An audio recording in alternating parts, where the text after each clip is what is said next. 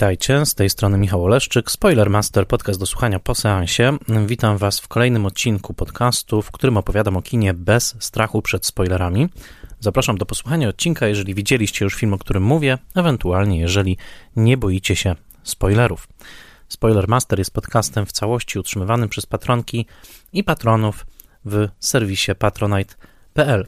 To dzięki nim słuchacie tego odcinka w tym momencie w wolnym dostępie. Serdecznie im dziękuję za tę pomoc. Szczególnie dziękuję moim patronkom i patronom imiennym. To znaczy Festiwalowi Mediów Człowiek w Zagrożeniu w Łodzi, Michałowi Hudolińskiemu ze strony Gotam w deszczu, Łukaszowi Daleckiemu, Agnieszce Egeman, Sebastianowi Firlikowi, Odjemu Hendersonowi, Beacie Hołowni, Annie Jóźwiak, Bartłomiejowi Kłosiewiczowi, Tomaszowi Kopoczyńskiemu, Władimirowi Panfiłowowi, Mateuszowi Stępniowi, Weronice Więsyk, Jackowi Wiśniewskiemu, Jerzemu Zawadzkiemu i Tomaszowi Mączce, autorom podcastu Let's Mate Movies, blogowi Przygody Scenarzysty, prezentującemu analizy scenariuszowe, portalowi Outfilm, oferującemu szeroki wybór filmów o tematyce LGBT.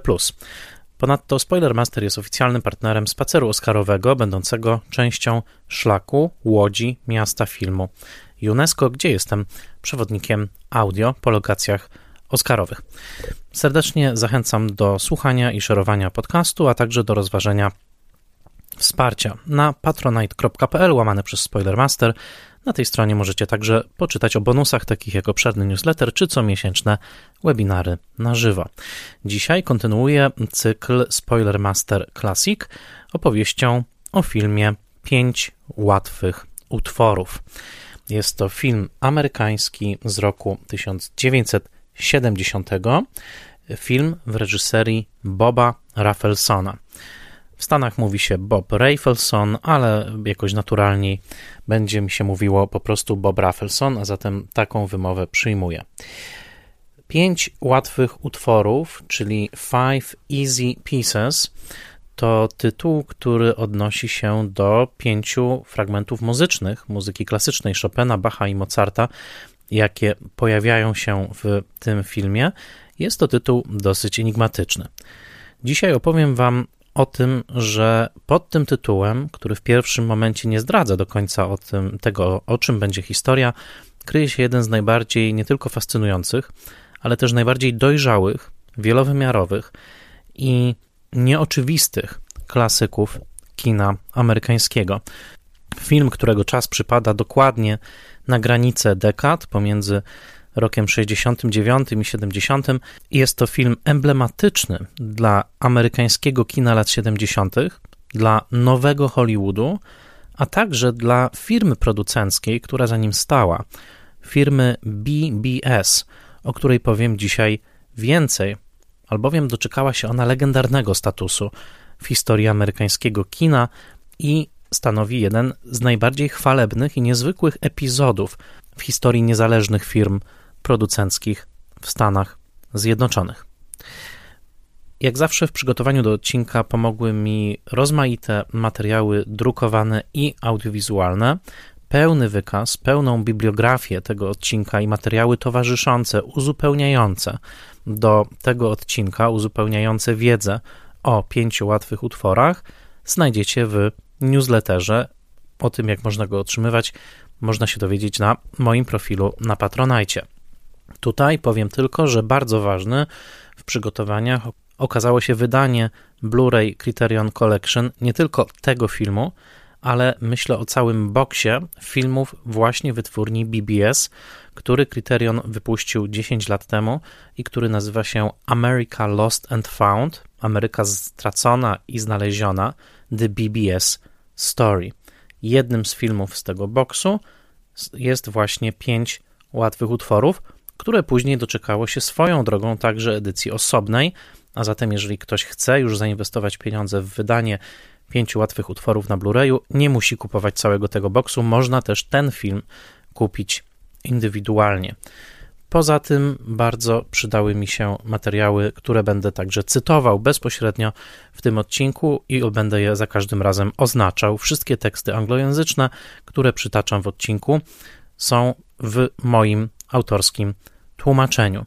W drugiej połowie odcinka o filmie Pięć łatwych utworów, Five Easy Pieces, porozmawiam z historykiem Ameryki, z historykiem, który jest jednocześnie Amerykaninem, profesorem Patrykiem Vonem z Instytutu Amerykanistyki i Studiów Polonijnych Uniwersytetu Jagiellońskiego, gdzie dawno temu miałem przyjemność studiować jako doktorant, później także uczyć e, i który na zawsze pozostaje w moim sercu.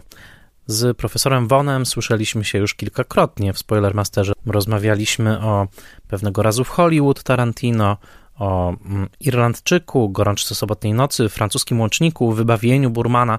Jest stałym gościem Spoilermastera.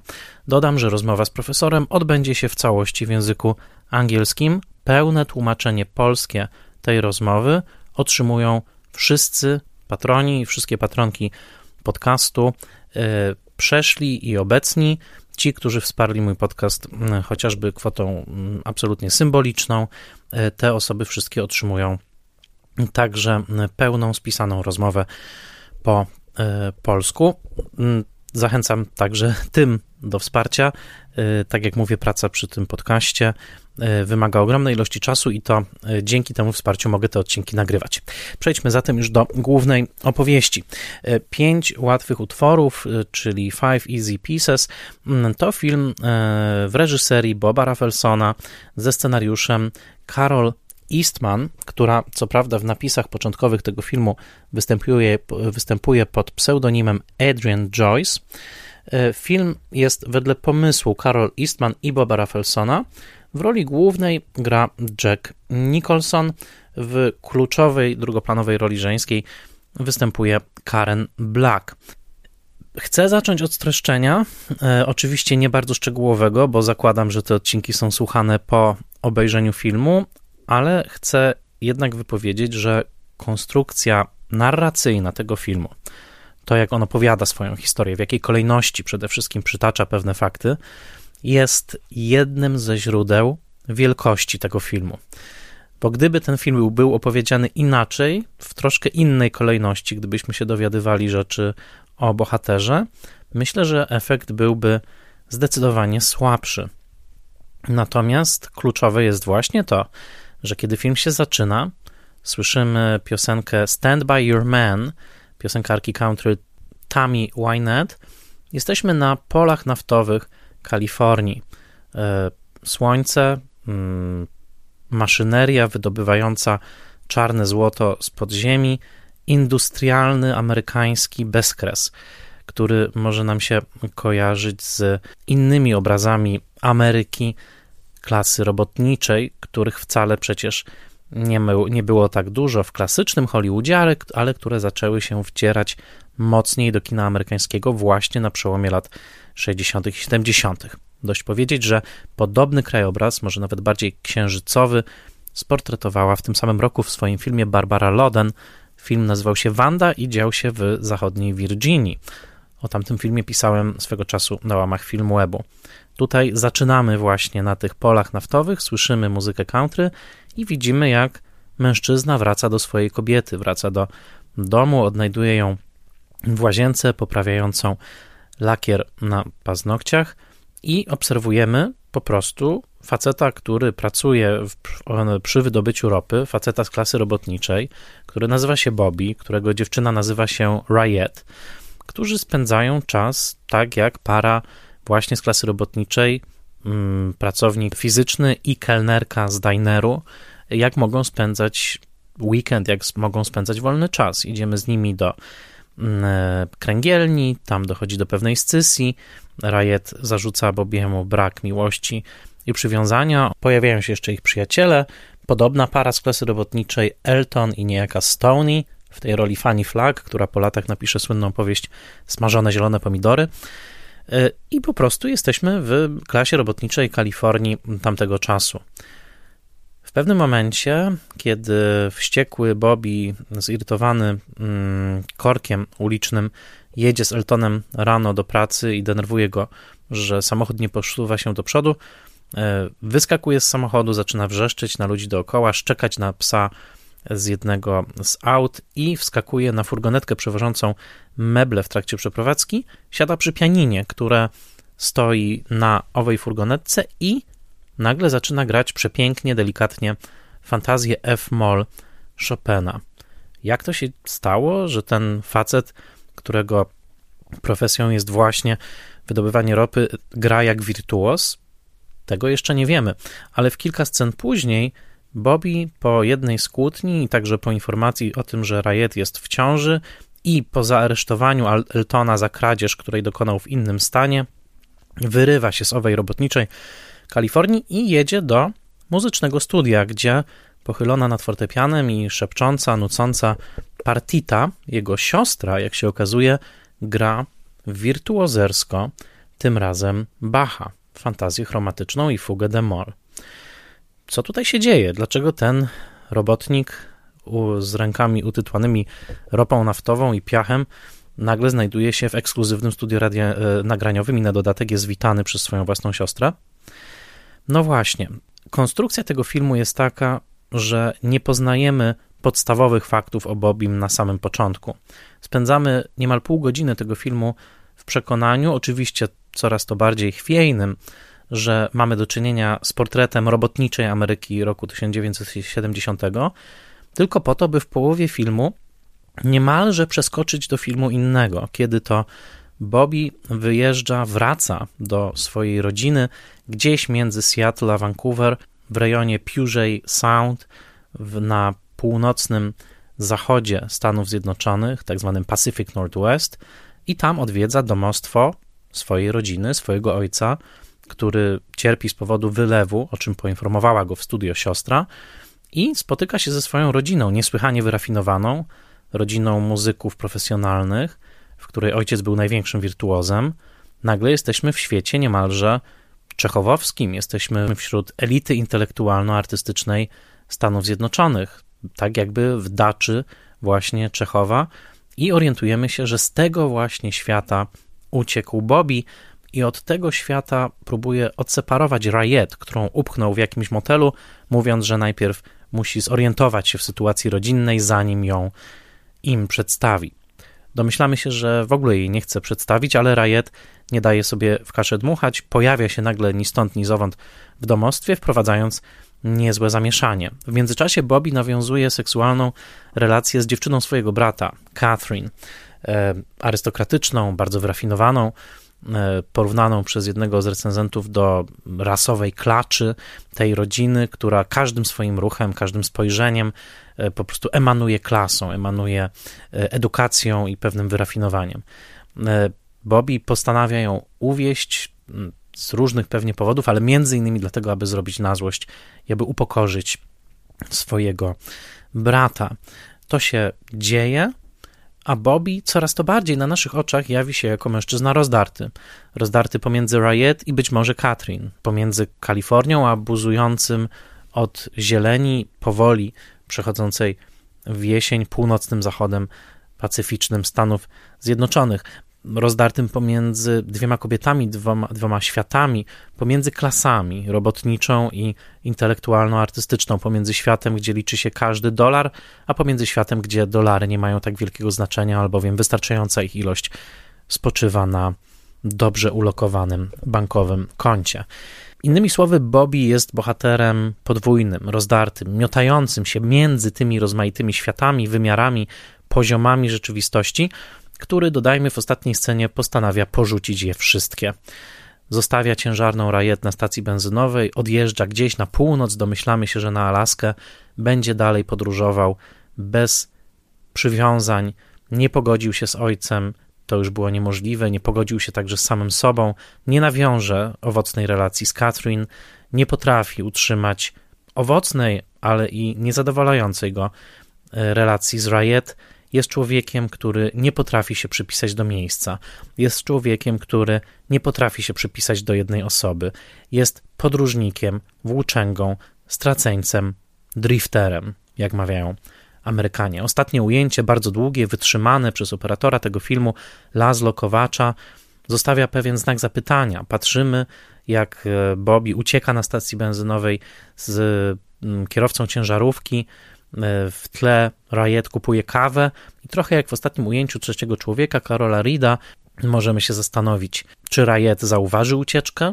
czy Bobby wróci do niej, w ostatnim momencie może wyskoczy z ciężarówki. Pod napisami końcowymi nie ma żadnej muzyki. Jest cisza, są odgłosy stacji benzynowej. Czekamy, patrzymy, trochę jak u Antonioniego, u którego przecież Nicholson za pięć lat zagra w zawodzie reporter. Ostatnie ujęcie jest rodzajem przedłużonego znaku zapytania. Jesteśmy w kinie amerykańskim czy w kinie europejskim? W roku 1970 tego typu niejednoznaczne zakończenie, tego typu niejednoznaczny bohater, tego typu bogata, niejednoznaczna narracja musiała się bardziej siłą rzeczy kojarzyć właśnie z kinem europejskim, a nie z kinem amerykańskim dogorywających wówczas wielkich amerykańskich studiów, które na potęgę wyprzedawały swoje posiadłości, rekwizyty, studia, bo nie potrafiły konkurować wystarczająco e, dynamicznie z telewizją. No właśnie, jesteśmy w nowym kinie amerykańskim. Nowym kinie amerykańskim, w, który te, w którym te żywioły kina artystycznego, osobistego i żywioł amerykańskiego życia, amerykańskiego krajobrazu, który tutaj jest pokazany i w majestacie pacyficznego Northwestu, i w pięknie robotniczej, zalanej słońcem Kalifornii, te siły w niezwykle twórczy sposób zaczynają się ze sobą ścierać i płodzić coś nowego, niesłychanie świeżego. Roger Ebert, słynny krytyk amerykański, e, był obecny na premierze tego filmu, na premierze światowej w trakcie New York Film Festival pod koniec roku 1970 i tak pisał o tym doświadczeniu.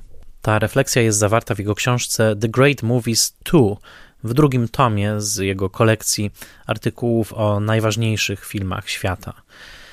Pisze tak o pięciu łatwych utworach. Dziś, z perspektywy lat, trudno wytłumaczyć, jak wiele znaczył Bobby Dupuy dla premierowej publiczności tego filmu.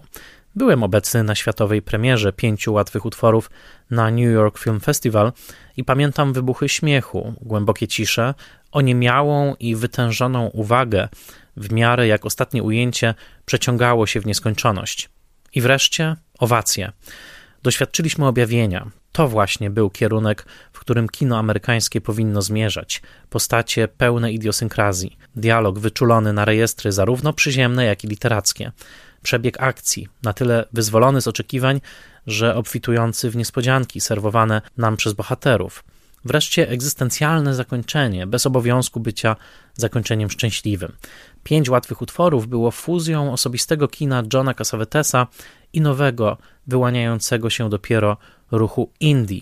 Było, można powiedzieć, pierwszym filmem sundance'owym.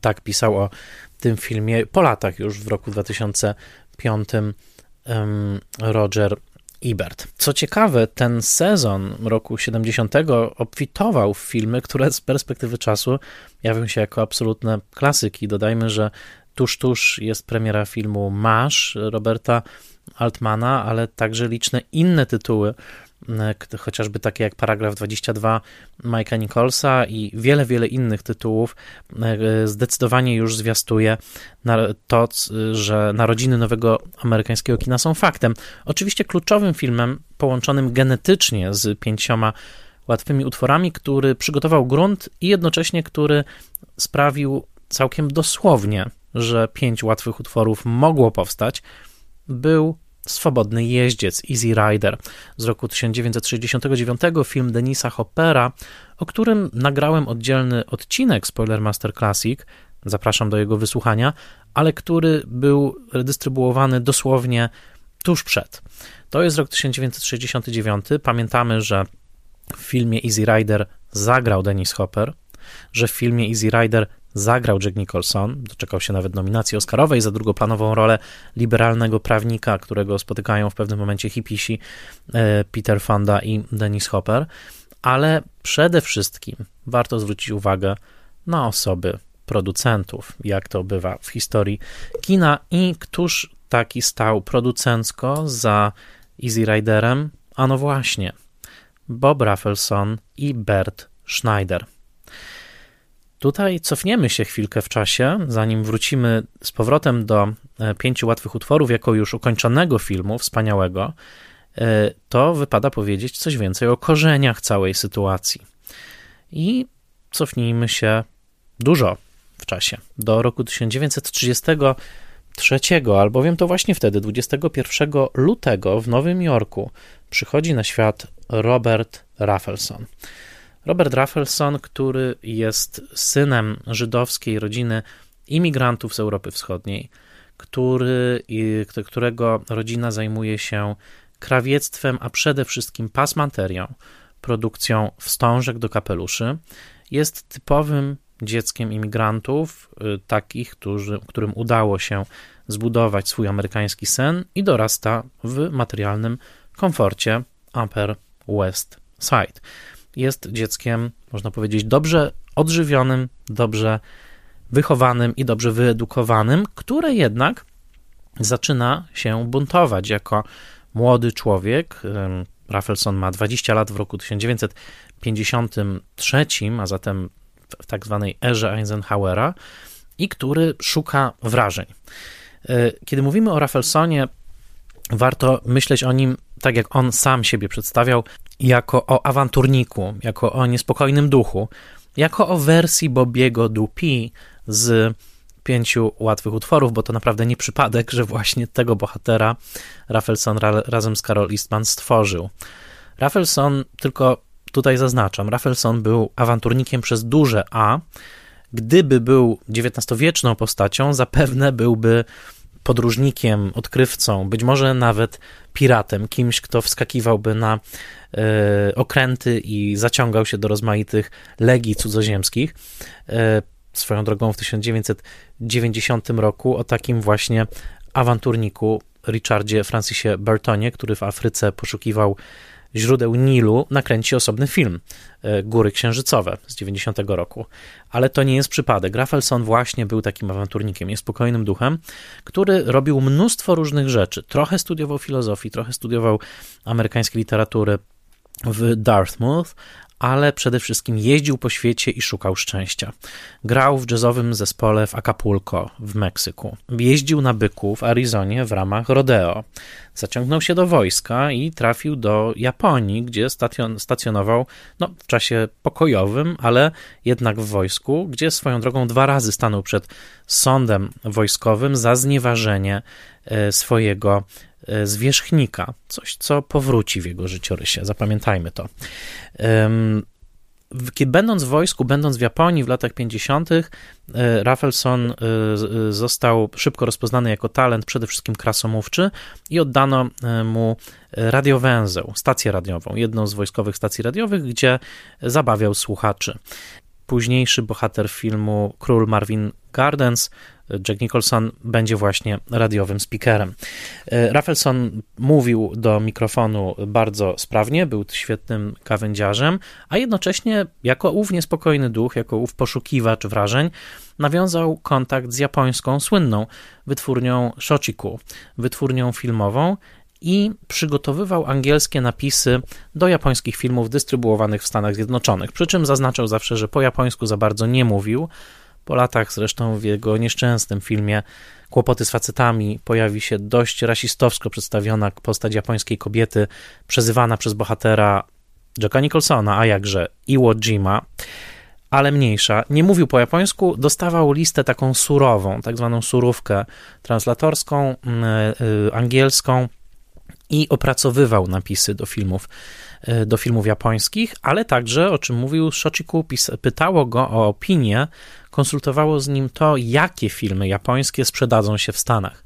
I wierzymy Rafelsonowi ale, albo nie, mówi, że walnie przyczynił się do tego, że filmy Yasujiro Odzu nie trafiły wówczas w latach 50. do Stanów Zjednoczonych, e, bo powiedział, że co prawda był, był nimi zafascynowany i ślady Odzu widać w jego filmach, Zwróćcie uwagę zwłaszcza na kadrowanie w filmie Król Marvin Gardens, ale sam uznał, że dla Amerykanów to będzie trochę za dużo i no rzeczywiście daty się zgadzają, bo amerykańskie odkrycie Odzu to są dopiero lata 70., więc Bob Rafelson powstrzymał dotarcie jednego z najważniejszych japońskich twórców do Stanów Zjednoczonych. E, myślę, że możemy mu to e, wybaczyć. E, później Rafelson trafia do Nowego Jorku, e, ma propozycję bardzo dobrze, płatnej pracy w agencji reklamowej, odrzucają, pracuje w telewizji, przy teatrze telewizji, opracowując klasyczne teksty na potrzeby właśnie teatru telewizji, kłóci się z producentem, któremu demoluje gabinet, powtarzający się motyw niesubordynacji wobec zwierzchnika i w końcu trafia do Kalifornii, gdzie on i jego e, żona Toby Rafelson, późniejsza scenografka między innymi pięciu łatwych utworów, działają razem i tam rozpoczyna już swoją właściwą filmową przygodę. Tam poznaje także Berta Schneidera, który jest równolatkiem, producentem i co ciekawe, jest spokrewniony z wytwórnią Columbia, ponieważ Abe Schneider, jego Ojciec zasadza, zasiadał w Radzie Nadzorczej Kolumbii, a starszy brat Stanley Schneider był jednym z szefów studia. Te znajomości okażą się dosyć kluczowe. Obydwaj panowie z dużą wolą sukcesu, z ogromną inteligencją, ze świadomością polityczną, bardzo wyraźnie także określoną w stronę liberalno-lewicową. To bardzo ważne, zwłaszcza w przypadku Schneidera i jego późniejszych losów, a także ze świetnymi koneksjami rodzinnymi właśnie z wytwórnią Columbia. Mieli niezły start właśnie w Hollywood tamtego czasu, no ale nawet takie koneksje i e, nawet e, energia rozpierająca obydwu panów, no niekoniecznie musiały się przetłumaczyć na sukces, bo takich ludzi jest w Hollywood e, mnóstwo, nawet z koneksjami, nawet z energią. Pytanie, jakie decyzje kreatywne podejmą, jakie ruchy strategiczne wykonają. No, trzeba powiedzieć, że Bob Rafelson i Bert Schneider wykonali ruchy znakomite. Po pierwsze, stanęli za swobodnym jeźdźcem, Easy Riderem, który kosztował niecałe 400 tysięcy dolarów, a zarobił ponad 20 milionów. Co więcej, sami brali udział w mm, montowaniu wersji, którą znamy tego filmu, bo Dennis Hopper chciał, żeby film trwał ponad 3 godziny, e, to właśnie Schneider i Rafelson pomogli go ograniczyć do półtorej godziny i tym samym zapewnili mu ten e, wiecznotrwały sukces. Natomiast z początkami działalności e, Schneidera i Raffelsona, jeszcze sprzed Swobodnego Jeźdźca, łączą się ciekawe losy filmu Head, Głowa, rok 1968, a zatem rok wcześniej, E, filmu połączonego z zespołem The Monkeys.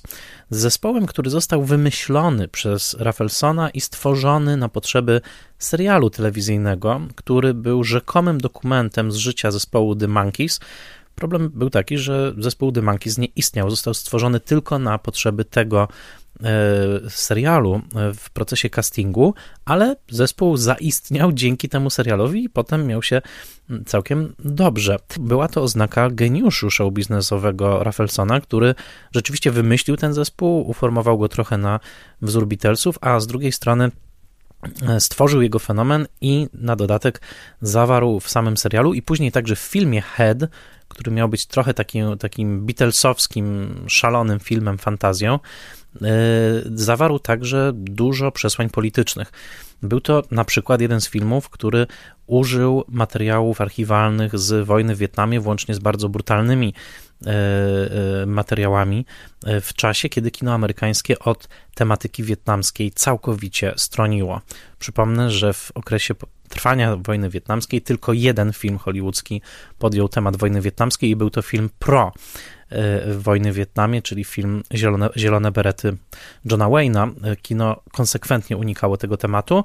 Nie unikał go Bob Rafelson, który do Wietnamu bardzo wyraźnie nawiązał w filmie Head, filmie, który swoją drogą był także takim dzikim, wesołym atakiem na amerykański kapitalizm, konsumpcję, w jednej ze scen na środku pustyni wyrasta ogromny dystrybutor do Coca-Coli, następnie rozstrzelany, a w zasadzie wysadzony w powietrze przez jednego z The Monkeys. W innej scenie członek grupy The Monkeys siedzi z rozpuszczającym się, topniejącym mu w ręku lodem waniliowym i patrzy na niego i mówi: Jak mogę zjeść tego loda, skoro na świecie jest tyle cierpienia?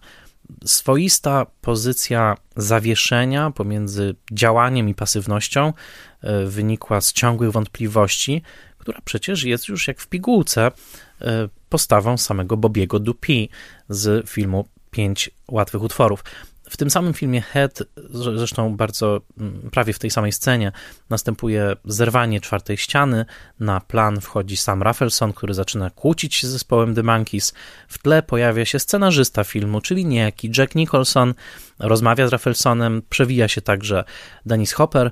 W tym jednym ujęciu widać całą buzującą energię przyszłego BBS Productions, bo jeszcze wtedy BBS nie istniało, ale to właśnie ci ludzie, e, ci przyjaciele powołają do życia BBS. Nicholson w tamtym czasie był aktorem, ale oczywiście był także aspirującym scenarzystą i wpłynął bardzo na kształt artystyczny pięciu łatwych utworów. Był niespokojnym duchem, poszukującym swojej drogi i wcale nie było wtedy takie pewne, że zostanie właśnie aktorem. Grywał głównie w filmach Rogera Cormana, ale także współpracował z twórcą takich um, niszowych westernów Montym Hellmanem, którego scenarzystką była z kolei Carol Eastman. Wszystko się łączy. Ci ludzie po prostu działali wtedy na marginesie świata filmowego Hollywoodu, tworząc czy to eksperymentalne westerny, takie jak The Shooting Montiego Hellmana, czy to angażując się w działania eksploatacyjne kina motocyklowego, czy horrorów Rogera Cormana, czy to właśnie angażując się w dziwne projekty artystyczne wymyślane przez ludzi takich jak chociażby Bob Rafelson czy Dennis Hopper. A gdzieś w tle, niczym hollywoodzkie wzgórza, są te wielkie, rozpadające się wtedy wielkie wytwórnie, które naprawdę nie wiedzą, co zrobić, żeby zarabiać tak jak kiedyś, jak połączyć się i nawiązać jakiś dialog z młodzieżową publicznością.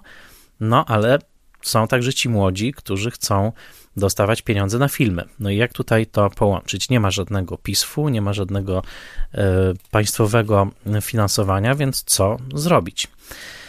Bert Schneider i e, Bob Rafelson zyskują tak zwany street credit, czyli taki można powiedzieć szacun na dzielni albo chwałę na kwartale. E, polecam film Kryptonim Polska, bardzo mi się podobał.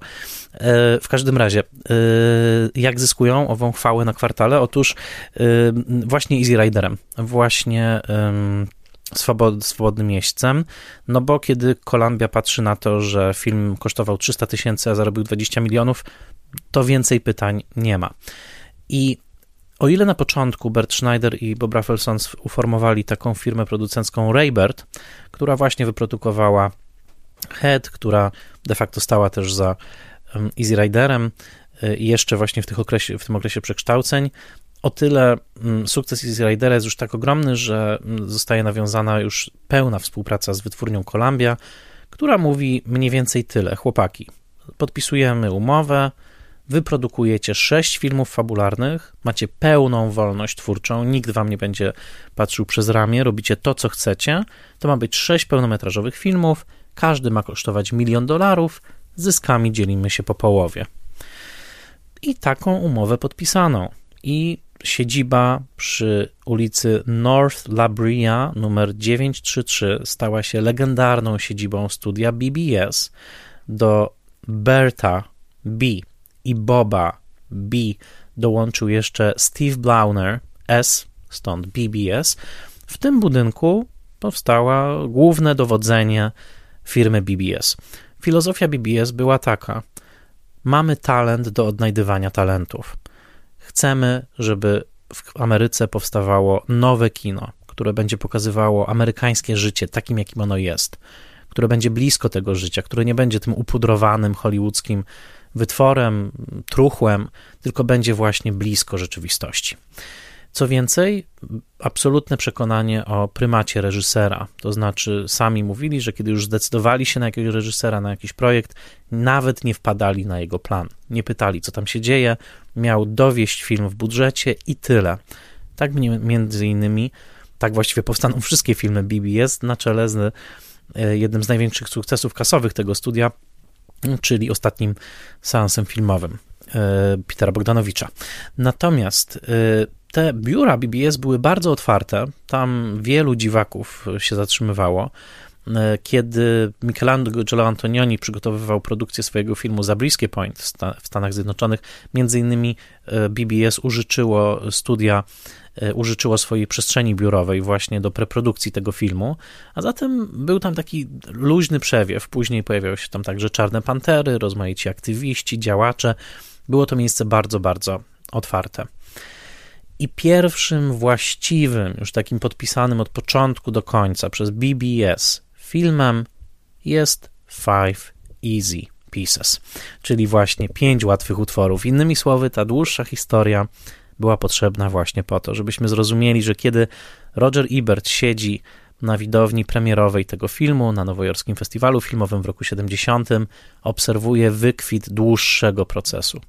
Procesu, w którym pojawia się i awanturnicza, poszukująca osobowość Boba Raffelsona, i sukces kasowy Easy Ridera, który umożliwił całą tę przygodę, i pewien geniusz show biznesowy, który ujawnił się wcześniej w filmie Head.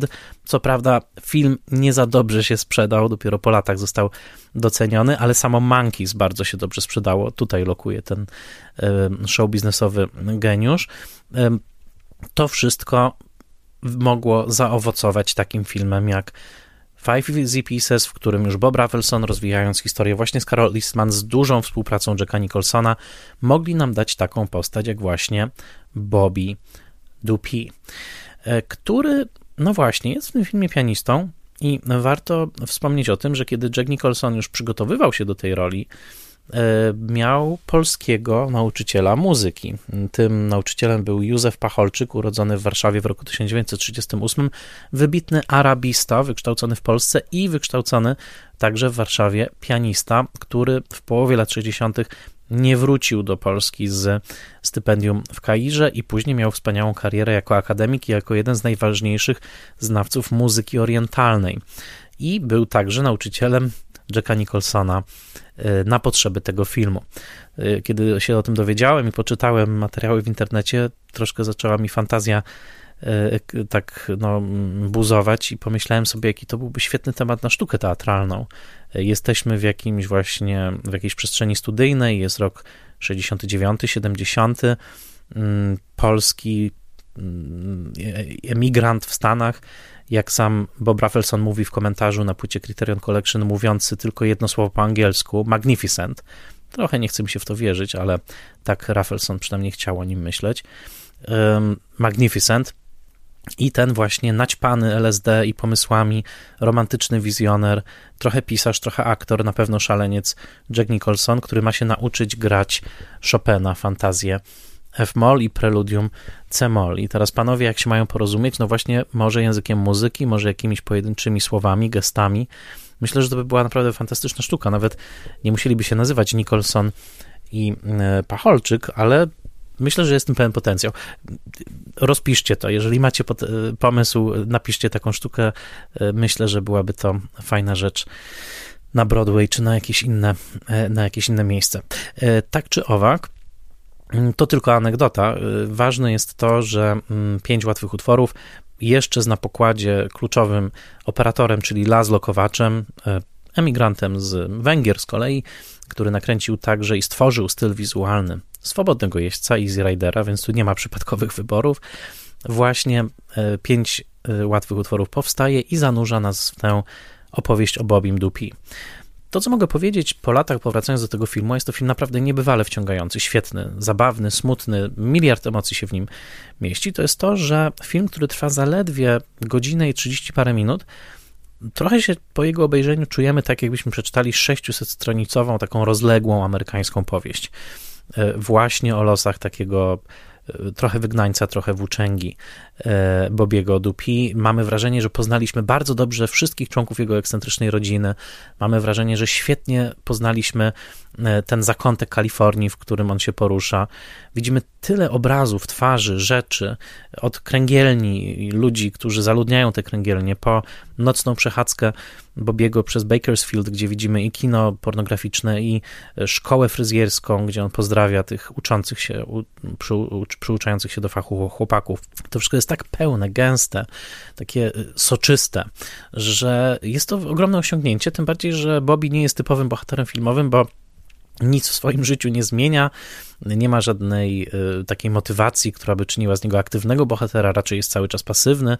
No i razem mm, z tą narracją Raffelsona my odkrywamy kolejne piętra jego rzeczywistości. Najpierw właśnie myślimy, że jest robotnikiem, potem orientujemy się, że jest nietypowym robotnikiem, potem się orientujemy, że tak naprawdę jest geniuszem muzycznym, dziedzicem tej y, muzycznej rodziny i widzimy go w tych bardzo różnych przestrzeniach, jak on także inaczej się zachowuje, inaczej się ubiera, jednocześnie gdzieś tam zawsze pobrzmiewa jego pustka wewnętrzna. Ten moment, kiedy gra dla Catherine i wygrywa właśnie owo preludium y, C-moll y, Chopina, ona się zachwyca tym wykonaniem, a on z taką pogardą mówi, że to jest najprostszy utwór, jaki pamięta jeszcze z dzieciństwa i w dzieciństwie grał go lepiej i teraz nie włożył nawet grama emocji w to, jak gra, podczas kiedy kamera Laszlo Kowacza pięknie panoramuje całe wnętrze, pokazując całą przestrzeń rodziny umieszczoną z niesłychaną detalicznością na półkach przez mm, Toby e, Raffleson, czyli scenografkę tego filmu.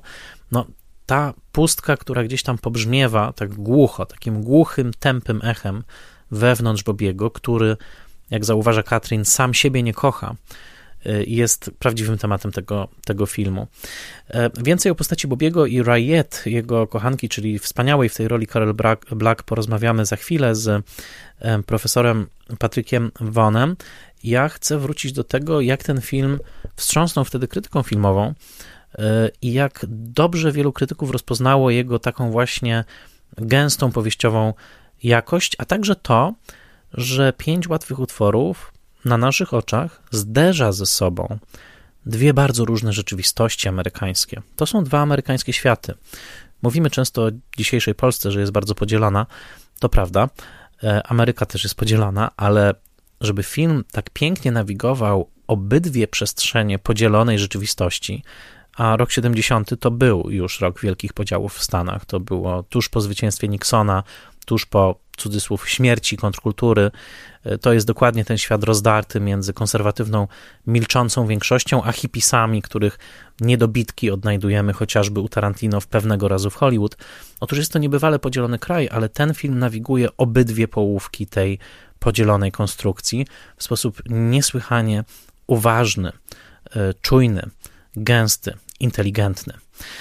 I to dostrzegali już krytycy w tamtym czasie. Krytyk Jacob Brackman, który pisał na łamach pisma Esquire, w jednym zdaniu uchwycił jak dokładnie to, czym charakteryzuje się świat bohatera na początku, kiedy jeszcze jest z Rayet właśnie w Bakersfield. I Brackman pisał tak: Zamieszkują świat, w którym romantyczną udrękę wylewa się na parkingach za kręgielnią, w świetle neonu budki z burgerami, w rytm ryku silników aut przejeżdżających obok. E, co ciekawe, Brackman tak bardzo zachwycił się tym filmem, że później poznał się z Raffelsonem i napisał scenariusz do jego kolejnego filmu, czyli do Króla Marvin Gardens. Ciekawa historia. E, Kent Jones po latach już e, w książeczce Criteriona w swoim pięknym eseju pod tytułem The Solitude, Samotność, napisał tak. Pięć łatwych utworów nie jest oświadczeniem w sprawie Ameryki, ale raczej skrzętnie sporządzonym, detalicznym raportem na jej temat. A może jest na jej temat wyznaniem, confession. Oglądając ten film, czujemy się chwilami, jakbyśmy usiedli z obcym nam człowiekiem, który postanowił oto opowiedzieć nam historię swojego pozbawionego konkluzji i konsekwencji życia. Wiesz, zatrzymałem się na trochę w Bakersfield, pracowałem przy wydobyciu ropy. Moja dziewczyna zaszła w ciążę, potem wróciłem do rodzinnego domu i wtedy wszystko znowu zaczęło się psuć. Wspominałem już, że pochodzę z rodziny zawodowych muzyków?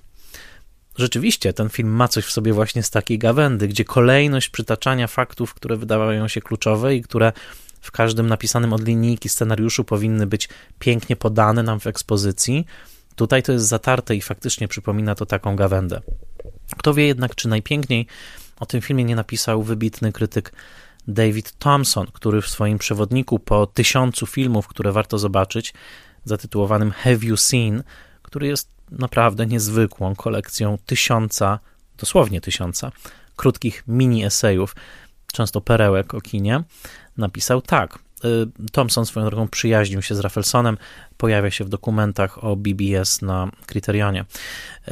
Niewielu filmom przed pięcioma łatwymi utworami starczyło odwagi i pewności siebie, by po prostu powiedzieć: Słuchajcie, ten tu Amerykanin, Bobby Dupuy, Jack Nicholson, z pozoru robotnik przy wydobyciu ropy naftowej w Kalifornii, tak naprawdę jest wygnańcem na życzenie, uciekającym od swojej intensywnej, czułej i muzycznie wyedukowanej rodziny z wybrzeża Pacyfiku albo z miejsca, które to wybrzeże przypomina.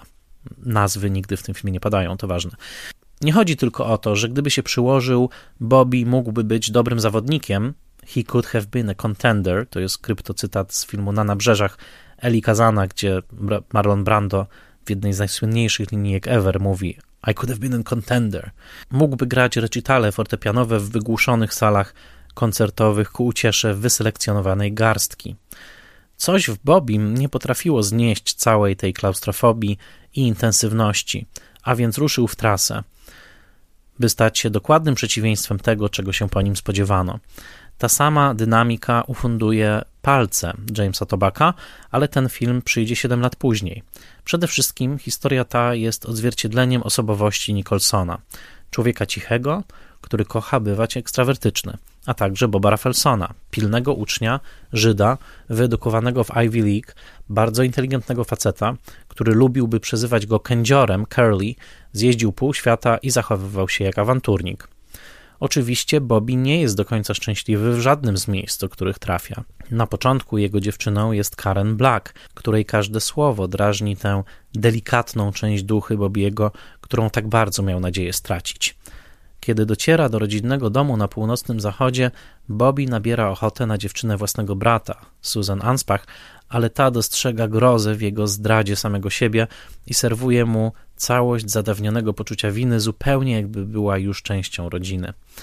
Na końcu tego filmu Bobby jest znów w trasie, on the road, gotów odciąć ostatnie więzy z innymi. Jak dla mnie pozostaje kwestią otwartą, czy Bobby zostanie włóczęgą czy bandziorem. Być może rozwiąże ten dylemat, decydując się na profesję aktora. Tak napisał David Thompson. Myślę, że lepszego podsumowania samej treści filmu ja sam nie ukuję. E, wrócimy zaraz do tej treści, a także porozmawiamy o miejscach, w których toczy się akcja tego filmu z profesorem Patrickiem Vonem, bo już teraz zdradzę, że Patrick Von wychował się dokładnie w tym miejscu, w którym dzieje się pierwsza połowa filmu i to nie w przybliżeniu, tylko dokładnie w tym miejscu. To znaczy właśnie Bakersfield i sam mówi, że rozpoznaje większość lokacji włącznie z kręgielnią, która tutaj jest, y, a wychowywał się właśnie na początku lat 70. tam. Więc y, jest rodowitym Kalifornijczykiem y, i pochodzi dokładnie z tych stron. I jak sam mówi, za chwilkę go posłuchamy, jest to niebywale wierny portret tamtej bardzo specyficznej kultury mm, i specyficznego mm, zakątka Ameryki. Zanim jednak porozmawiamy z profesorem Vonem, dwa słowa o tym, co było dalej? Film miał cztery nominacje do Oscara, nie dostał żadnego. Był to rok wielkiego triumfu filmu Patton. To zupełnie inne amerykańskie kino. Ale były nominacje za najlepszy film, dla najlepszego aktora Jack Nicholson, dla najlepszej aktorki drugoplanowej Karen Black i za scenariusz e, Carol Eastman i Bob Rafelson.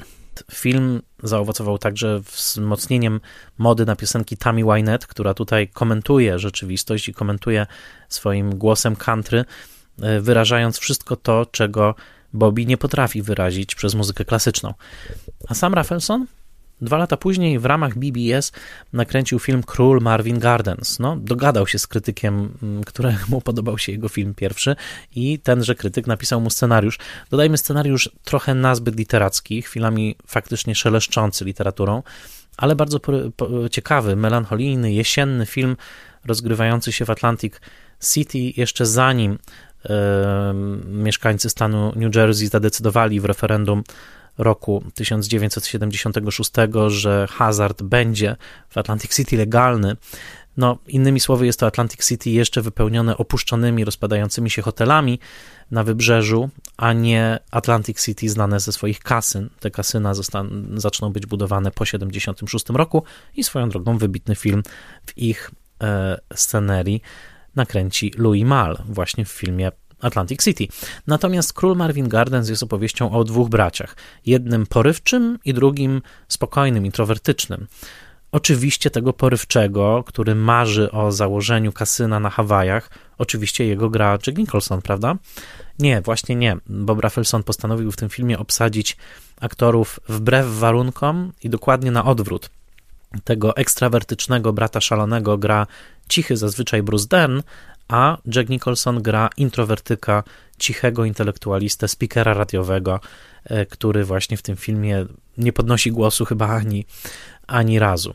To jest film Król Marvin Gardens, bardzo taki melancholijny, pozbawiony tej energii muzycznej, która jest dzięki Tammy Wynette chociażby w Pięciu Łatwych Utworach. No, film mocno depresyjny, tak mogę powiedzieć, i chwilami troszeczkę zbyt literacko-pretensjonalny, tak bym to, e, to nazwał. A samo BBS wyprodukowało w tym czasie film, który był o wiele większym sukcesem kasowym, to znaczy Ostatni seans filmowy wyprodukowało też dwa eksperymentalne filmy e, Bezpieczne Miejsce Harry'ego Jagloma z rolą Tuesday Weld i Orsona Wellesa, a także Jedźmy przez siebie, przed siebie, e, debiut reżyserski e, Jacka Nicholsona. Na tym w zasadzie kończy się przygoda BBS. Wyprodukuje jeszcze nagrodzony Oscarem dokument o wojnie w Wietnamie Hearts and Minds, Bert Schneider mm, umrze bardzo niedługo, y, umrze na planie filmu Trzy dni Kondora. Natomiast y, samo BBS się rozsypie, panowie doszli do wniosku, że było dobrze, ale trzeba robić inne rzeczy, a zatem historia BBS-u zamyka się razem z Oscarem dla Hearts and Minds, ale oczywiście Bob Rafelson kręci dalej. Przy czym nie omówię teraz całej jego kariery, powiem tylko, że bardzo interesujący jest film Niedosyt z roku 76, z, który pokazuje znowu uprzywilejowanego chłopaka z bogatej rodziny, który zastanawia się, co zrobić ze swoim życiem i postanawia, że będzie zarządzał małą siłownią w Atlancie, w stanie Georgia. Dodam, że jest to jedyny film, który znam, który dzieje się w całości w siłowni, znaczy w większości w siłowni i który pokazuje bardzo, bardzo ciekawie taką subkulturę siłowni e, właśnie. E, I tę rolę główną gra Jeff Bridges, a występuje tam także bardzo dobry w swojej roli Arnold Schwarzenegger, bardzo wówczas młody i młodziutka Sally Field. To, o czym trzeba pamiętać w przypadku Raffelsona, to jest to, że jego kariera właściwie rozpada się na dwie części, tak jak film e, Pięć łatwych utworów w roku 80. Bo do tego czasu on żyje wciąż w glorii mm, tegoż właśnie swojego debiutu, w glorii BBS-u. W połowie lat 70. doświadcza osobistej tra tragedii. Jego córka ginie w wypadku e, domowym i e, no to naznacza całe jego życie. On później się rozstaje ze swoją żoną, Toby Rafelson, ale rok 80 jest kluczowy, dlatego że to jest rok, którym Bob Rafelson, awanturnik, skory do bitki, który bitki i rozmaite pojedynki na pięści często zamieszczał w swoich filmach, bo sam był skory do takich mm, bitek. Otóż wdaje się o jedną bitkę za dużo. Na planie filmu Więzień Brubaker – na którym daje z liścia Richardowi Bergerowi, wiceszefowi e, wytwórni Fox. To się kończy zwolnieniem Raffelsona, bardzo słynny przypadek. E, I taką właściwie, no, z jednej strony niby infamią w tym świecie korpo, Hollywood Corpo, z drugiej strony gratulowali mu reżyserzy, jego koledzy, e, tego, że się postawił właśnie gryzi piórkowi z studia, który chciał ograniczyć jego osobistą wolność. Nieważne, film z Redfordem w roli głównej dokończył Stuart Rosenberg, natomiast to jest moment, w którym ta kariera faktycznie się rozpada na dwoje, bo jeszcze w 70. Rafelson przebywa dużo w Paryżu, jest producentem, mimo że nie występuje na ekranie, ale pomógł jako producent legendarnemu filmowi Mama i Dziwka Żana Istasza. Jest takim właśnie no, człowiekiem opromienionym tą sławą. Natomiast rok 81 przynosi film Listonosz dzwoni zawsze dwa razy. Remake filmu z lat 40. i adaptację powieści noir Jamesa M. Kane'a e, z Jessica Lang i Jackiem Nicholsonem, którego znamy właśnie z pięciu łatwych utworów, i z Króla Marvin Gardens. To ich trzeci z pięciu wspólnych filmów w sumie. I w pierwszej scenie listonosza Nicholson tak jakby wyszedł z pięciu łatwych utworów łapie stopa na ulicy, mimo że mm, Szosa zdecydowanie jest dla 40. i film także dzieje się właśnie, właściwie w latach 30. jeszcze, tak jak powieść. No i oczywiście film był słynny z tego względu, że Rafelson bardzo dużo opowiadał, że będzie to film, który otrzyma kategorię X, w którym będzie tyle odważnego seksu, że przekroczy to wszelkie dotychczasowe normy kina amerykańskiego. Film, który się nie udał z bardzo wielu powodów, między innymi sceny erotyczne w tym filmie wcale nie, nie sprostały tej reputacji tych właśnie super odważnych, mimo że były dosyć odważne, ale no nie, nie wytworzyły takiej energii, żeby ten film stał się takim także e, e, erotycznym klasykiem. Natomiast e, ta współpraca z Nicholsonem tutaj dała efekty średnie i film także, mimo ogromnego oczekiwania, okazał się jednak rodzajem niewypału. I lata 80. to jest już czas mniej płodny dla Raffelsona. Jego powrót do współpracy z Jackiem Nicholsonem w latach 90 to jest, to są dwa niewypały, jeden większy, drugi mniejszy.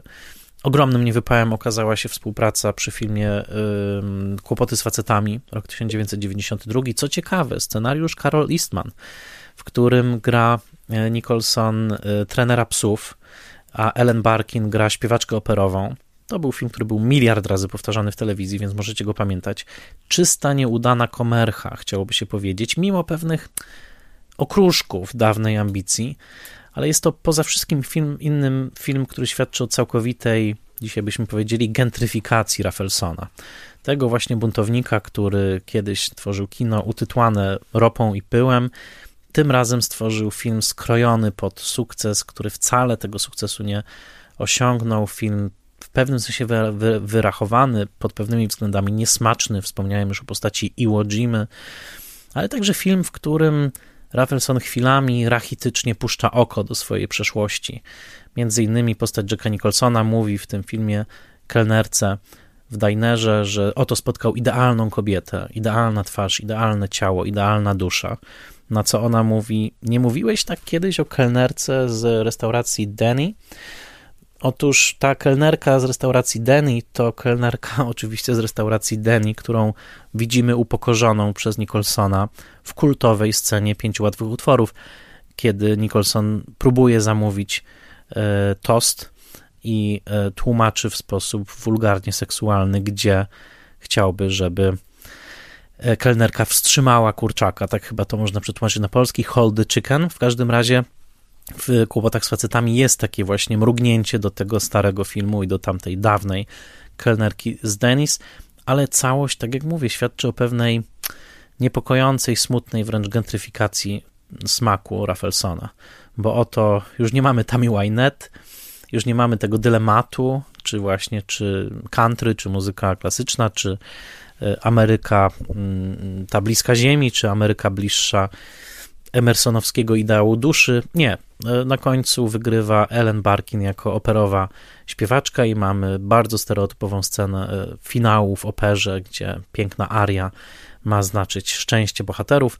Wydaje się, że jest to pewien, przynajmniej Bobby Dupi, myślę, że oceniłby to jako pewien zgniły kompromis.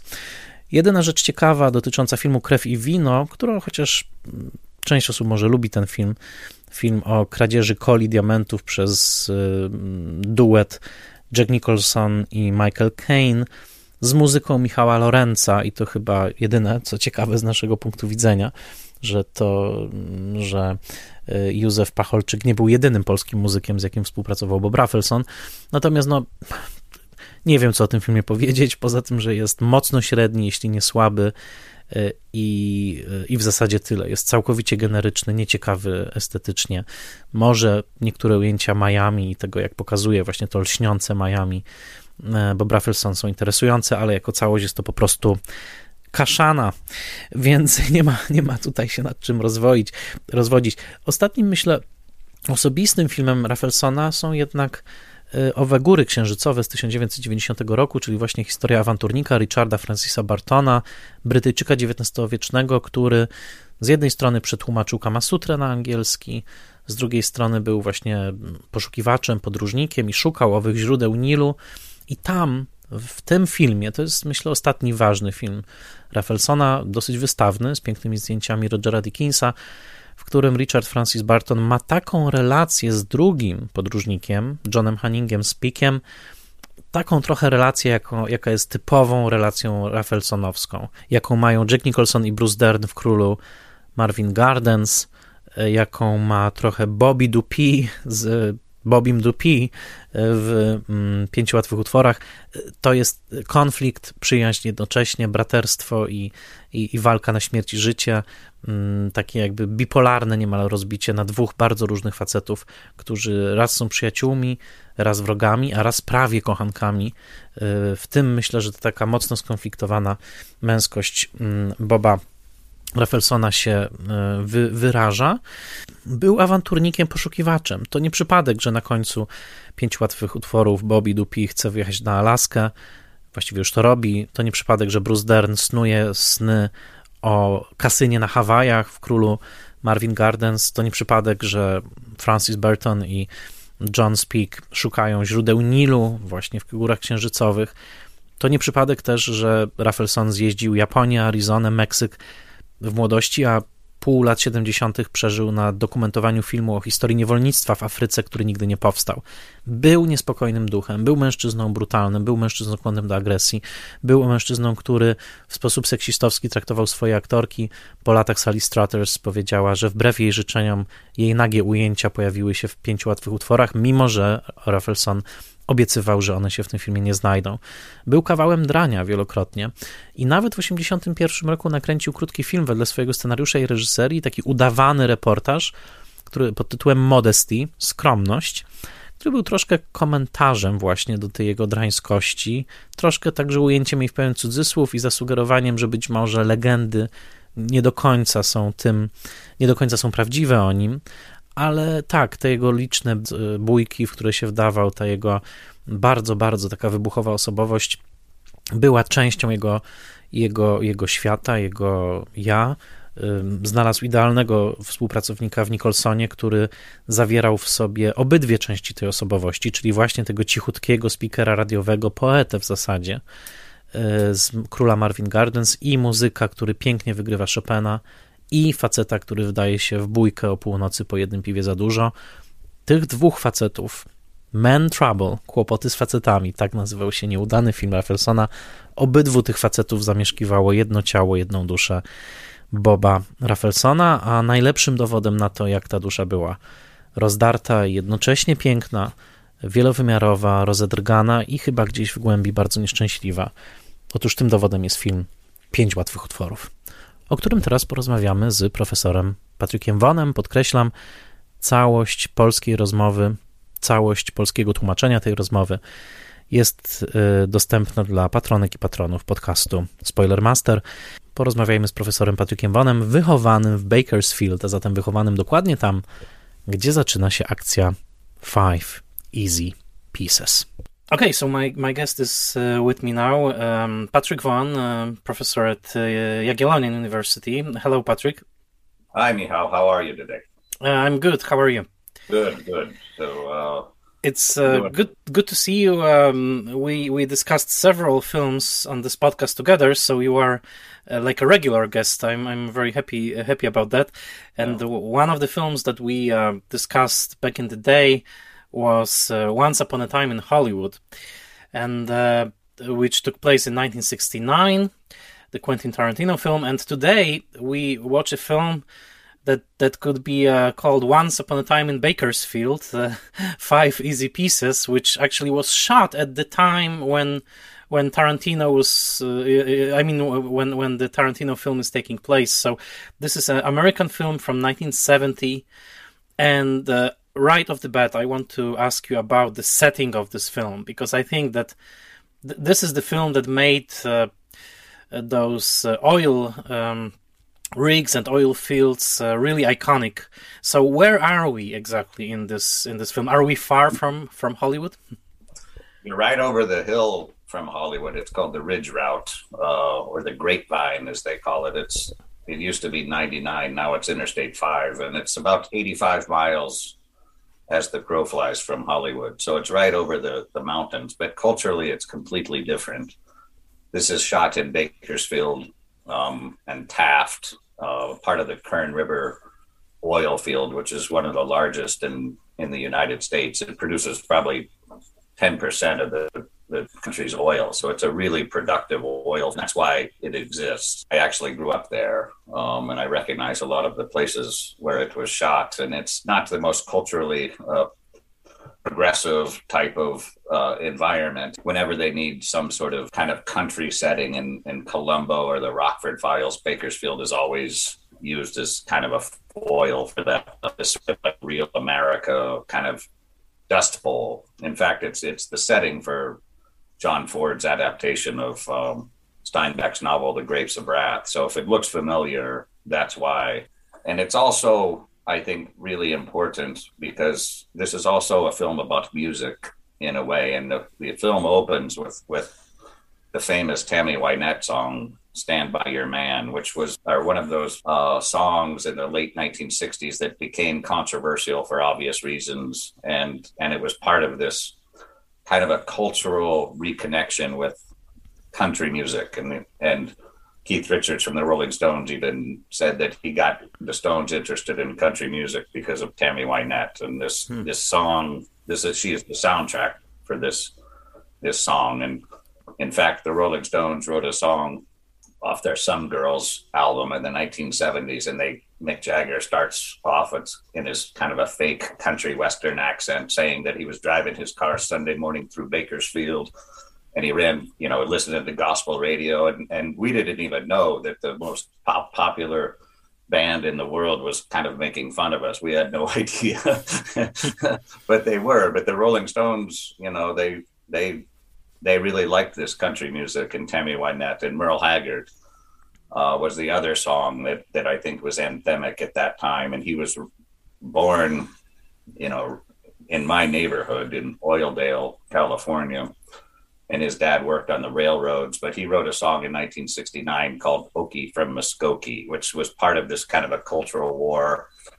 We've talked about it before how the hard hats became kind of associated with the Nixon silent majority, as they called it. So, this is kind of an interesting film about a place that time kind of forgot. And I think a lot of the Hollywood uh, people, like Bob Rafelson, they they I think they kind of had sort of an imposter syndrome that they were hippies, but they really weren't dealing with the real world. You know, just because you can take LSD and smoke at a at a party in a fraternity house and doesn't mean that you're in touch with the real world. So I think there's some important aspects of the setting here, and you were right right to to address that right off the top. Well, mm, uh, we also did an episode on Deliverance. Uh, we did an episode on French Connection. So uh, I feel like we are really um, covering this this cultural turf in this in those episodes. I think this film is probably the least known, at least in Poland, uh, of of those three. Uh, I hope that this episode will also bring it um, to to attention. Uh, but um, but yeah, I mean the, the, the, the, song that you mentioned, you know, hold. Uh, I mean, uh, stand by your man. It's kind of ironic because uh, at the very end, she, I mean, the current black character Rayette, she very much does. I mean, she she does stand by Bobby. It's him who constantly uh, eludes her. He he escapes. at the very very end, he actually you know leaves her hanging on the on the on the on the um, gas station but we'll we'll get um, back to that um, this is a very interesting movie because for the first couple of minutes or even for the first 20 minutes we don't really know that uh, uh, Jack Nicholson character is actually from from from another class uh, uh let's say we we assume that he's just as you said this hard hat working class guy but there are some hints that maybe you know he's he's more educated maybe he's more appreciative of music.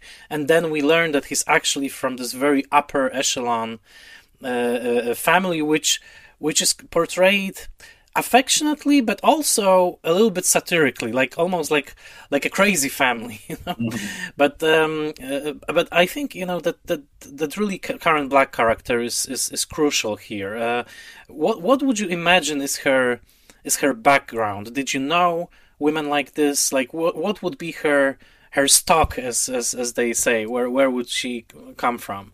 You know, in, in all of the films I've seen in this this time period, or maybe just in film in general, she might be my favorite character ever because I think she's just such a decent person. She's the only decent person in the whole film, but it costs her because she's so naive and so sincere and so uh, devoted that that she kind of repels Bobby or Robert, as he's called in two two different identities in this film.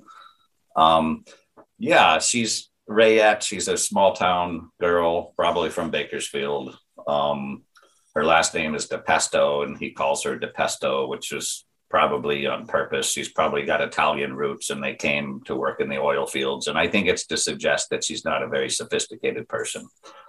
Um, but doesn't mean that she's not a wise person and doesn't mean she's not a smart person. I think of all the people in this film, she's the only one that really is comfortable with herself.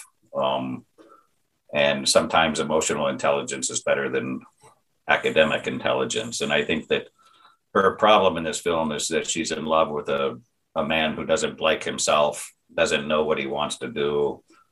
And he's kind of like the old character out of Russian literature, the superfluous man who who has money but he doesn't really have a purpose in life and he's drifting and he's never happy and he's never going to be satisfied and the more that she tries to satisfy him the more he pulls away. And um and it's kind of a really a tragic story in that way. Everybody i think probably your listeners know or at least some of them know if you've ever been in a relationship like that it's really frustrating because somebody is always you know we don't like to say it but somebody is always usually in control or at least has the the upper hand. And and this frustrates her obviously. It looks like she wants to start a family. She wants to just have a simple life. And he he's a drifter. And that's a tragic story as you said in the ending. It's probably one of the saddest endings of any film i've ever ever seen. I don't want to give it away for your audience, but mm-hmm. well, I, I, I mean we can we can discuss it freely. I always assume that uh, our listeners watch the movie first, uh, and we actually we actually I think should address it because the ending was completely different in the screenplay. Uh, it was the director who ended it. Actually, the the original ending that the screenwriter, the woman's screenwriter of this film, envisioned was that uh, was that um, Robert and Rayette are in the car and uh, and uh, just as we see them at the end of the movie, but suddenly uh, there's an accident and the car swerves and it sinks. It it, it basically falls off a cliff. It sinks uh, in some kind of a lake. And at the very end, Rayette emerges from the water. She survived. She looks yes, she looks at the at the at the lake or whatever it was, and she realizes that Bobby is dead, and she says, uh, "You son of a bitch," and that that that that was that was the original ending. That was the last line of the movie. It ended oh. on this. So I'm very actually very glad that the director sort of you know made it more complicated uh, than mm, than that. Uh, but but let's talk about I mean those those early scenes. Uh, oh. You know, at the bowling alley, uh, those parking lots. You know, we see adult theaters at, at the corner of the street. This this is. I mean, uh, it, it, almost feel, feels like a documentary, you know, like those those women, those women drifters. You don't really know who they are, you know. They just attach themselves to uh, to those guys. Like what, what, what? I think this very unique portrayal of this sort of working class life in American film. It's real, and it looked like a documentary. It kind of reminded me of of a film you wanted me to watch, and I think we were going to do it, but we never did. Is Harlan County in, in Kentucky? That documentary, that famous documentary, and those you know, those are actors. It's Fanny Flagg and, and Sally Struthers, who eventually became famous in All in the Family. But at the time, they just looked like, you know, just people living in a small town going bowling. They're not very sophisticated people. And obviously, there's a caricature here. I think they try to exaggerate Elton's character, especially. He has a stupid laugh and he's kind of not very smart. And they live in a trailer, you know, a trailer park but as far as the the setting for that, that's realistic. That's where I grew up, and they set it on site though. That's in Bakersfield. Um, I know exactly where those places were. It's right downtown. Uh, my mom worked at a hospital down downtown, right near that that bowling alley. So those are real places. And he and you know he knows he waves. It's a couple interesting. He he waves at the guys in the barber college, which probably means that he's getting a cheap haircut and. Mm. Uh, and he knows people down there. and Rayette works in a small diner, and she looks like she's very, you know, she's not very content there, but it's a job. Um, but those are simple people, and I think sometimes we forget in this world that simple people they didn't ask to be that way. You know, they were born into those circumstances. A lot of my friends, and I'm still friends with them today, just had very kind of simple parents, but good parents. They they didn't go to college. They didn't um, they weren't in sororities or fraternities. They were just they got jobs right out of high school, either truck drivers or bartenders. Most of my friends, in fact, as I can think of it, were all sort of working in either in farming or oil or law enforcement or those you know those kind of jobs that you just people society needs those people um and I'm still friends with those people today. And they're not, I wouldn't call them, you know, you wouldn't find them at an academic conference, but in some ways that's that's why I like them, and that's why I'm still in touch with them. They're they're actually really good, solid people, and it doesn't mean, you know, they're perfect, but but I think sometimes we as a society look down on these people that we really need these people, whether it's carpenters or truck drivers or, or you know, people that do the hard work. Um, I think this film respects them in a way, even though they they kind of make fun of Elton a little bit. I think that's for effect, just to say, because the worker at the end when he says I quit, he goes, I don't want either of you two dumb guys here. And, it, and, and the worker guy said, You're both bad workers, and he compared Bobby to Elton, and you could see in Jack Nicholson's face, he goes, "I'm I'm a dumb guy. I I've never been called a dumb guy, but he just mm-hmm. he couldn't do that work. He could play the piano, but he obviously wasn't very good at his job as a as an oil field worker." Yeah, and you can also tell that you know, I mean, uh, Bobby is really nice to Elton just up to a point. You know, I mean, at at some point, you know when when he gets irritated when Elton gives him some life advice and he says, "What what am I doing here, listening to this cracker?" Right? Like like suddenly he's like so dismissive of him and uh, and he basically leaves him. I mean, he he's he he has the luxury of going back to this family. I think I think that's an important point that you make, and I think it's probably the most important part in the film because Elton is kind of depicted as a clown, but in there's one three minute sort of part of the film, and it, it's before he gets arrested. He, he's, you know, Rayette's pregnant, and Bobby, he's trying to tell Bobby, hey, you'll get used to this. You should be a father. You know, you've time to settle down. You might even like it. And he's trying to kind of convince him to do the right thing, as they called it back in those days. And Elton, you know, kind of sobers up and he says, I'll tell you, you know, I don't, you might, you might be better than me, in social terms, but I don't think much of a guy who, who would get a girl pregnant and run out on her. And he and that was his last line in the film. And it, he didn't have that stupid laugh. And and I think that was a very respectful line. I think it was, you know, that he actually cared about Rayette, even if they were kind of, you know, they weren't very serious men, or they weren't very serious about, um, you know, their life. He thought being the father was important and and i think that's an important part in that because you know there's that you might not have picked up on it but there's a baby crying at the restaurant and then baby at the trailer park and and and jack nixon's character bobby they didn't want anything he would just get rid of the baby mm-hmm. and uh and I think this is a characteristic of that, what I was talking about, this superfluous man. He wants no responsibility. He doesn't want any connections. He doesn't want to be trapped anywhere and he just wants to keep drifting. And that's frustrating for the people that have to live with him, like Rayette, you know, who who obviously doesn't want to be, you know, trapped in a relationship with a jerk. And and I think one of the, the really good things about the writing in this film is they made Bobby Jack Nicholson's character kind of a jerk, but kind of a relatable jerk. You kind of understood him in a way, especially later when we see that he has a pompous older brother um, who is a very, you know, arrogant person. And you, you kind of get the indication maybe that's why he left this very right. sophisticated artistic family, very musical family. And uh, so I think this what the writing does in this film very well is it lets you put put in the fill in the blanks and and it and it lets you use your imagination. And I think it's a very effective film in that way. Mm-hmm, mm-hmm. I, I agree, and you know, and also Bobby stands up for uh, Rayette uh, when you know she's being berated by this intellectual lady, who is like like a par- like really like a parody of this sort of you know uh, academic type.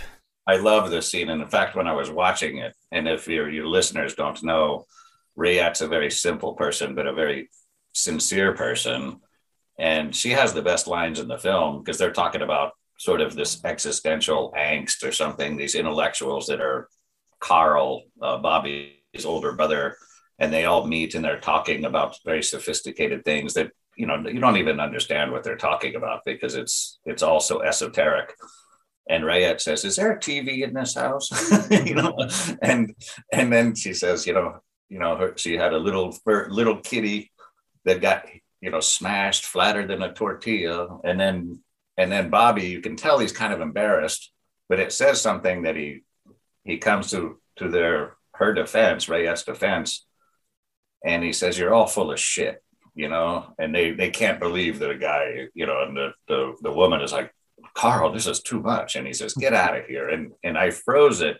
This film is on on the there's some shots on YouTube, and I froze it, and you can see Rayette is so happy when Bobby finally comes to her defense. Like, uh, yeah. And and it's a beautiful scene, really, and it's a simple scene, but I've been there myself. You know, I've I've been in those situations before where people make fun or they look down on people. Um, and you can tell that Bobby actually respects Rayette at that at that point. He just doesn't want to marry her and have a child with her, I think, or a family with her. But mm-hmm. but I think he he actually kind of loves her. You know, you kind of see that in. Um, what about the uh, because you, you know this is a film that was made uh, during the Nixon era, and uh, the society, American society, was so deeply divided, uh, and I think you can you can see it in this film uh, that those two worlds, you know, that that that that you know the summer cottage on one hand and the oil field on the other, they really they, there's no connection between those worlds. I mean, ap- apart from Bobby, who is kind of a renegade between the two, but those worlds couldn't be, you know, more distant from one another. They don't speak the same uh, the same language. And uh, is is that you think like part of this sort of political background that you know this is a, such a deeply divided nation. Sure and you can see this and if your your listeners might not know but this this this bob rafelson rafelson was the the creator of this film and and it came out of this bbs kind of film corporation which was sort of sort of revolutionary at its time. He he was the guy who developed the monkeys which was a kind of a fake musical band based on the Beatles' Hard Day's Night, and and they they were sort of a fictional band, and he made some money off of that. And then he made a film called Head, which was kind of a psychedelic monkeys film. The monkeys, you know, daydream, daydream believer. I think they're on Shrek. Everybody knows the monkeys now. Um, but then they, you know, as an offshoot of that, they made Easy Rider. And Easy Rider, I think most of your listeners probably know much better than this film but it's directly related to this film. I teach a class in the 1970s, and I always start out with five easy pieces and Harold and Maude. It's just this this kind of depressing sort of cultural feeling that all of that hope from John Kennedy of the 1960s had faded into something chaotic and kind of confusing. Well, Kennedy Kennedy is in the film. There's there's this sort of like like like a, I don't know like a picture on the wall or a, in Rayette's it's Rayette's yeah. apartment, and she's got a picture of Kennedy, and it's kind of a she probably bought it for five dollars on the side of the road. You know, it doesn't look like a very sophisticated painting, but she's got it in her little apartment there. Um, she's listening to Tammy Wynette, and she's got a photo of Kennedy there. And that's mm-hmm. the first thing you see in this film is John Kennedy. And remember, it's only been six years since he was shot. Right. So, and so much had changed in this, you know, since, you know, Kennedy was shot in November of 63. Then the Beatles came in February of 64. Then the whole culture exploded.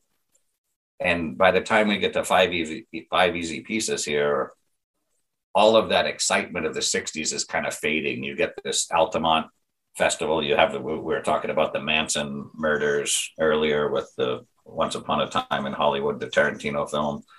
So you you really get that like where are we going here in the 70s the french connection you can see that you know like it's really dismal sort of there's no hope here there's no the american dream seems like it's it's done you know and uh, i think well really speaking speaking of american dream i have one more question. Uh, there's there's this uh, character actually two characters. I, th- I, think it's a lesbian couple who tries to uh, flee to um, Alaska. Because uh, it's clean.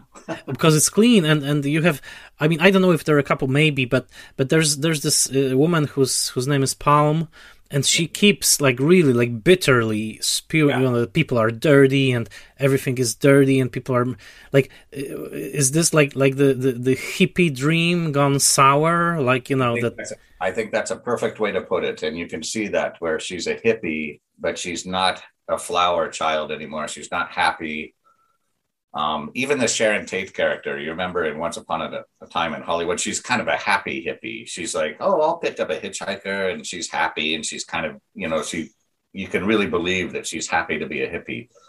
This character is bitter, she's angry, and she's arguing with Rayette about everything, and she's arguing with her. I think they probably are lesbians, but we're not supposed to know that probably overtly at that time, but they they certainly seemed like it.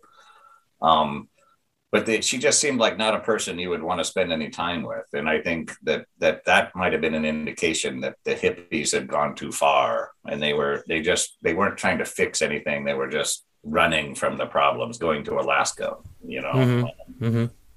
hoping that you know they could find something there. It was kind of I think Alaska is kind of a symbol in this film of running away from society and and trying to get away. In fact, there's a the hint at the end is that Jack Nicholson's going to Alaska in this. Yeah, in, it, will be very very cold. That's that's yeah, what they what they say. And you know, the same year uh, the, the, the movie Joe was was made, in which uh, you know Peter Coyote plays this working class character, and and we have a we have a middle class character who, who who wants you know revenge on on the hippies sort of, and and he recruits uh, the Peter Coyote her character I, I, I think I mean the, the, way I see it, it's just you know this like th- those filmmakers were very uh, shrewd in in showing this society as it was being fractured, you know, yeah. and I think we live we live, we live with those with those divisions t- till this day. You know, I think that's that's where it started. Yeah, and I really feel that I was a kid. You know, when this movie was made, I was just a kid. Um, but I had older sisters, eight years older than me and one who's seven years older than me. So I got to experience all of this in real time is from the eyes of a five year old kid. And I have to admit, it, it was disturbing back then. There's a British author who, who wrote a chapter in a book about the hippie culture. And he said, in a way, it was the most conformist culture in history because within five years, they all looked the same, even if they were kind of you know they tried to look different and drop out of society. They all looked kind of the same. And i, I remember this scene in the rolling stones documentary. I might have mentioned it to you before in gimme shelter where you could look out out and see you know million people at altamont music festival and the rolling stones are playing and they all kind of look the same. And i think the the 70s you start to see that in in these films like joe or or this one where the hippies are depicted as less kind of glamorous and more like, eh, you know, you can see it in the last, you know, the the the, the Tarantino film that that we did. The, mm-hmm. the well, Once Upon a Time in Hollywood. Mm-hmm. Yeah, about you know where Brad Pitt is kind of the voice of reason, you know, because he goes into the, you know, the the cabin where the Manson girls are, and he's kind of looked around and he says, Is this what the 60s has become? You know, he can't believe it, you know. And there's a couple, one other thing I thought about is in that film, Brad Pitt drinks Brew 102, which is kind of a blue collar beer, a cheap beer in Los Angeles. And in this one, Jack Nicholson's character has got lucky and my dad drank it all the time it's it was like the cheapest beer you could get you know and he's drinking it all the time he's even can he's even drinking it in that scene with the intellectuals where they're all drinking wine and he's and he looks at his can of lager and it's empty and he kind of says ah you know like i need a you know and and lucky lager is it's it's that's the beer we drank in high school if you had like two dollars, you know, you could buy a six pack of it. So it so it was it was symbolic in in both of those films that those guys were kind of real guys, or at least trying to be real, and uh, that that was kind of funny. There's one other thing I think about about this film, and I don't want to go too far off, but uh, you can see in this this this kind of re-identification with rural America, or at least uh, uh, an America that these people that went to film school or, or exclusive universities might have missed. And you could see it in Ken Kesey, who, who wrote one, you know, one flew over the cuckoo's nest, but he also came from a rural lumber town in Oregon, and he wrote about that a lot. And Larry McMurtry, who was his friend, and Tom Wolfe has a a great novel about Ken Kesey and the merry pranksters taking LSD and driving a psychedelic school bus across America in 1964. And they stop at Larry McMurtry's house, and he was the author of The Last Picture Show, which is the last film by Bogdanovich of this series, this BBS series with Cybill Shepherd. And, and, and in Cybill Shepherd in the 1980s, she was on a TV show with Bruce Willis called Moonlighting and the secretary, which was a major part in this film, uh, in this TV series, was named DePesto, which was mm. the hmm. same last name as Rayette in this in this wow. in this film. So I think there was some, you know, last picture show. If you've never seen it, it's it's kind of like this: America is dying, a small Texas town is dying, and there's something about these films that is, has a certain melancholy about it that I, I think um, people now are maybe more appreciative of of now. Right. right. Because there's there's such poignant films. Uh, at the end of you know Easy Rider, everybody remembers that. But at the end of Five Easy Pieces, it's kind of you don't really know how to react. Um, growing up in the '70s was was crazy. I mean, I I I remember it just as a kid. But this parties my sister had, you know, I I I saw those from they, she was in high school and I was five years old, and they were for me they were terrifying. you know, it's like seeing all of these people from a small oil town imbibing God knows what. You know, certainly beer, but other things as well. And I could just tell, even as a five year old kid, I could say this this society can't survive like this. It something has to change, and uh, and I think that's that's an important point you make. Um, and mm. by the 1980s, things stabilized a little bit. Um, the hippies turned into yuppies, and and I think then you get the you know you get the John Hughes era. You know, I mean, it's just you, you lose that angst. But Five Easy Pieces, I think if if there's one film that I would ask everybody to see if you want to understand, especially just it's a very personal film for me because it it's exactly where I grew up. That that point, the most famous part of this film, there's the chicken scene in the diner where everybody knows where you hold the chicken. That's the most famous part of this film. But the other part where he's playing the piano, and that's a new Interstate Five. I know exactly what that is. That highway is brand new, going from Seattle to San Diego, and it's brand new. You can see it. And he's going to work at six o'clock in the morning, and they're drunk, and they're going to get fired that day but he can also play the piano. That's the first time because he gets in the back of a truck that's moving and he plays this beautiful. Was it Chopin that he's playing? I, I think that was that was Chopin actually. Yeah, yeah. that was Chopin. And, and he's going, and you can see. For me, I knew exactly where that is, and I just think it was a very personal film for me. I'm sorry if I made this this this discussion too personal. It's where I grew up, and uh, sure, no, all no, no. My cousins lived up in Seattle, all of my cousins lived in Seattle where they went up to, and I can kind of relate to both of those scenes in this film. It's a very it's a very complicated film, and I that's I think that's a compliment that that that I could give a film is that I I even if I've seen it 10 or 15 times, I still don't know exactly what I think of it. I see something different every time I, I watch it. So it's a really great film, I think, if you want to understand the 70s but it really sets up Jack Nicholson's career. Um, you can see when he barks at the dog and when he has this temper tantrums, it, you can see it sets up his basically the persona that he would to this day that he's that he's still doing. You know, um, right, right, right. You can you can watch as as good as it gets, and he's kind of playing the same kind of frustrated character who wants something but can't find it. And uh, but it's a great film, and I appreciate you asking me to to talk about it. Thank you, thank you so much. I, I really appreciate the discussion, and uh, hopefully we will get to discuss more films in the future. So thank you so much for appearing on the podcast. Oh, it's a pleasure. Always, Michal, you do a great job, and you always it's the conversation's always easy with you. So thank you. Good luck thank you. The, and congratulations on this great podcast. It's really fantastic what what it's turned into. Thank you so much. Bardzo dziękuję Patrykowi Iwanowi za tę rozmowę. E, kiedy rozmawialiśmy i kiedy tak mocno profesor dowartościował